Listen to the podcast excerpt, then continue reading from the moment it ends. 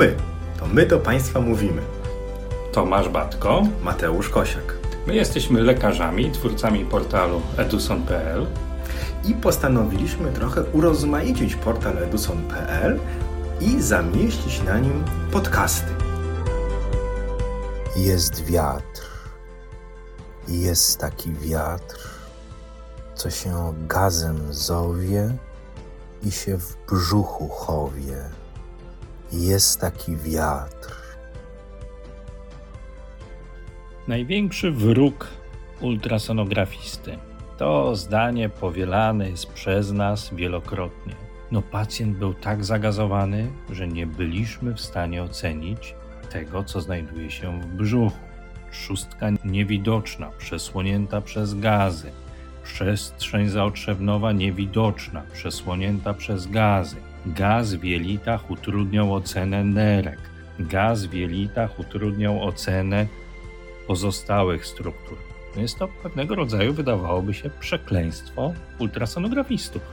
Ja czasami nawet sobie myślę, że gaz jest w ultrasonografii traktowany bardzo priorytetowo, albowiem zobacz, ile opisów badań ultrasonograficznych rozpoczyna się o informacji o gazie.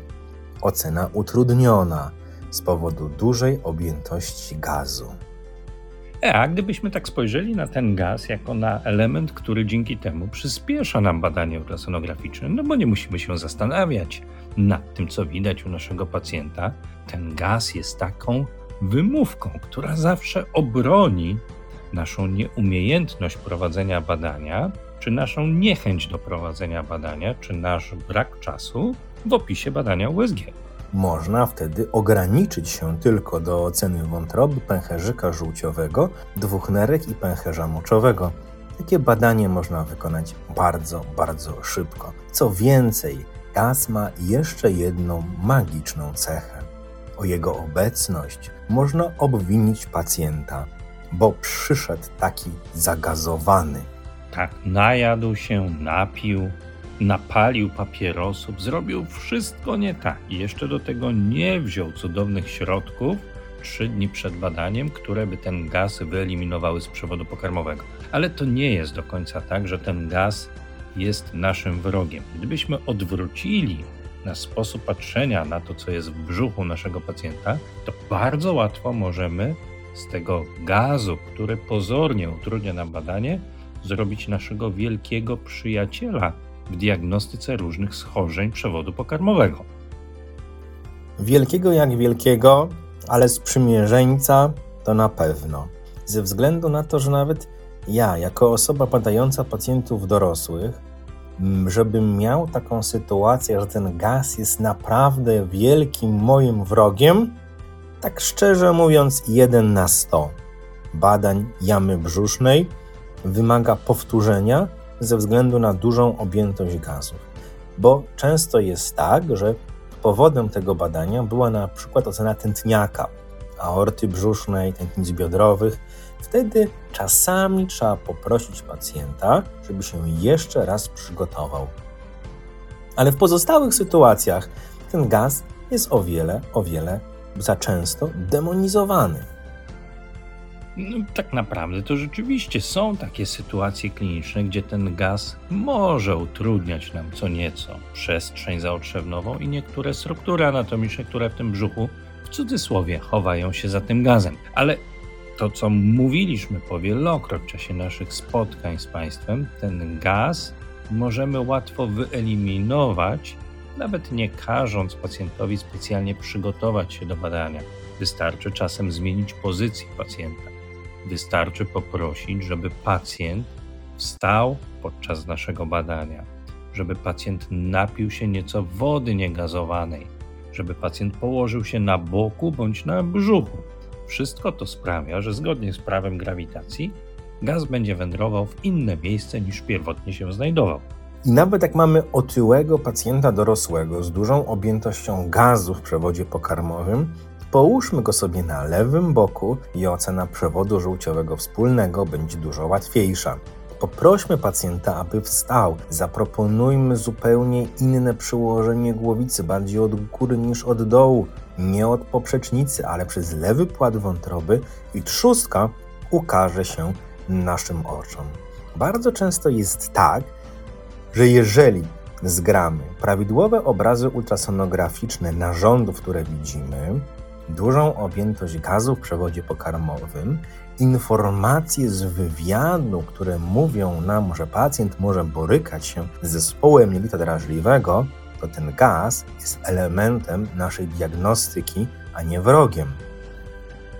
Wystarczy czasem zebrać dobrze wywiad i zobaczyć, w których odcinkach przewodu pokarmowego ten gaz jest widoczny.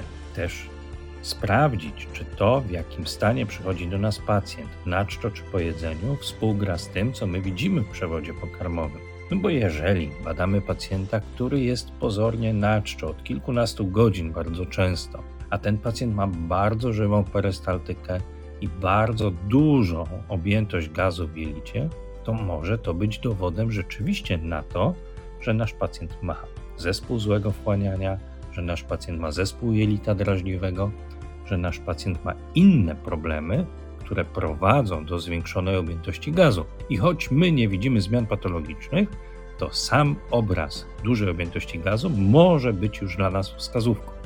Poza tym taki slogan gaz w przewodzie pokarmowym. Co on właściwie znaczy? Bo zastanówmy się, w którym przewodzie pokarmowym tego gazu jest dużo. Czy to jest początkowy odcinek przewodu pokarmowego, żołądek, dwunastnica, czy może to jest poprzecznica i stępnica. Same te informacje jakże mogą być nam pomocne. Często zgłaszają się pacjenci dorośli z dolegliwościami bólowymi, uwaga, uwaga, lewego, a nie prawego nadbrzusza. Przy prawym nadbrzuszu to my lepsi jesteśmy, bo drogi żółciowe, pęcherzyk, opłucna, to wszystko znamy. Przy lewym lewa nerka, śledziona, żołądek i właśnie poprzecznica i lewe zgięcie okrężnicy stępnica. Tutaj przejdźmy u dorosłego z głowicy konweksowej na liniową i zobaczmy, ile jest gazu w tym odcinku jelita grubego. I też czasem bywa tak, że nieco mylą nas informacje, które uzyskujemy zbierając wywiad z rodzicami na przykład naszych młodszych pacjentów, którzy to są kierowani na badanie USG, bo mają biegunkę, bo oddają po kilka niewielkich objętości luźnych stolców dziennie. I my przekładamy głowicę do brzucha naszego małego pacjenta i to, co widzimy, to ciemność poprzeplatana białymi smugami, bo tego gazu w jelitach jest tak dużo, że my tak naprawdę nie jesteśmy w stanie dostrzec niczego więcej. I wtedy, zjeżdżając sobie głowicą do podbrzusza, oglądając odbytnicę naszego pacjenta, niejednokrotnie stajemy się świadkami bardzo ciekawego zjawiska, bo oto, mimo że pacjent i rodzice pacjenta zgłaszają, że są luźne, wodniste stolce, że ciągle majtki są brudne, my widzimy rozdętą masami kałowymi odbytnicę. To jest taki objaw, który doskonale jest znany większości pediatrów, gdzie brudzenie bielizny jest objawem zaparć, przewlekłych zaparć u naszego pacjenta, a towarzyszyć tym przewlekłym zaparciom będzie bardzo duża objętość gazu w jelitach. I to jest coś, co można bardzo łatwo rozwikłać, przykładając głowicę w kilka kluczowych miejsc w obrębie jamy brzusznej. U pacjentów dorosłych, kiedy badamy duże naczynia i przestrzeń zaotrzewnową wzdłuż dużych naczyń, przejedźmy sobie głowicą ustawioną poprzecznie do osi długiej ciała, od góry, od trzustki do podziału aorty, przejedźmy na tętnice biodrowe kilka razy. Za pierwszym razem zobaczymy dużą objętość gazu i nie zobaczymy tych naczyń. Za drugim razem będzie nam łatwiej za trzecim, za czwartym jeszcze łatwiej, albowiem nasz ucisk głowicą spowoduje, że przesunie się ten gaz, że odsłonią się przed nami elementy dużych naczyń oraz przestrzeni zaotrzewnowej. Jak to nie daje rady, walczmy o dobry obraz przestrzeni zaotrzewnowej i dużych naczyń, przykładając głowicę od boku, od prawego boku, przez okno wątrobowe. U pacjentów dorosłych często też może być przydatny taki manewr głowicą, podczas którego my przykładamy głowicę w projekcji poprzecznej do nadbrzusza i dość solidnie uciskamy powłoki jamy brzusznej tą głowicą, prosząc jednocześnie, żeby w tym czasie pacjent nabrał mocno powietrza. To nabranie powietrza przesunie gaz na boki, wysunie nieco wątrobę, inne narządy ku dołowi, a my, nie puszczając głowicy, będziemy bliżej struktur, które chcemy ocenić. I tak kawałek po kawałku możemy sobie tą przestrzeń zaotrzewnową w ten sposób ocenić. Czasami nie damy rady z tym gazem, ale to nie powinno usprawiedliwiać naszej chęci dowiedzenia się, co pacjent w swoim brzuchu chowa. Mam tu na myśli ocenę dolnego bieguna lewej nerki u pacjentów dorosłych.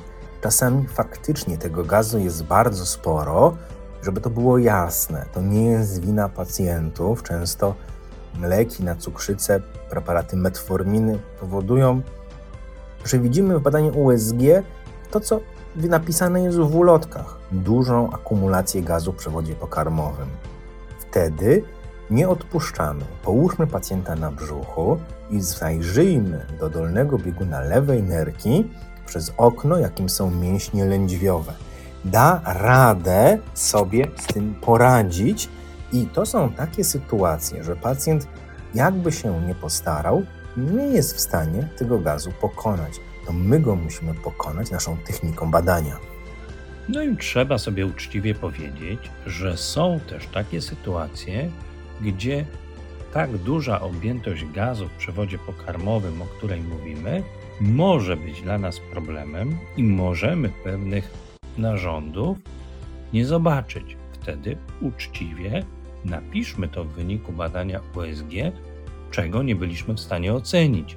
Nie ściemniajmy w opisach badania USG, kreując się na bardziej sprawnych ultrasonografistów, niż bywa to czasem, nie z naszej winy, że widzimy coś, czego nie mogliśmy rzeczywiście zobaczyć. Bądźmy uczciwi, zaprośmy pacjenta jeszcze raz na ponowne badanie, poszerzmy diagnostykę obrazową, kiedy coś nam nie pasuje, ale nie ściemniajmy, że ten gaz nam nie przeszkadza, kiedy rzeczywiście ma prawo przeszkadzać.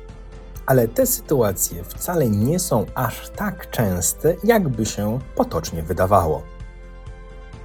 Powodzenia w walce z gazem. Niech ten gaz nie przesłania nam radości z ultrasonografii. Jest gaz. Jest taki gaz.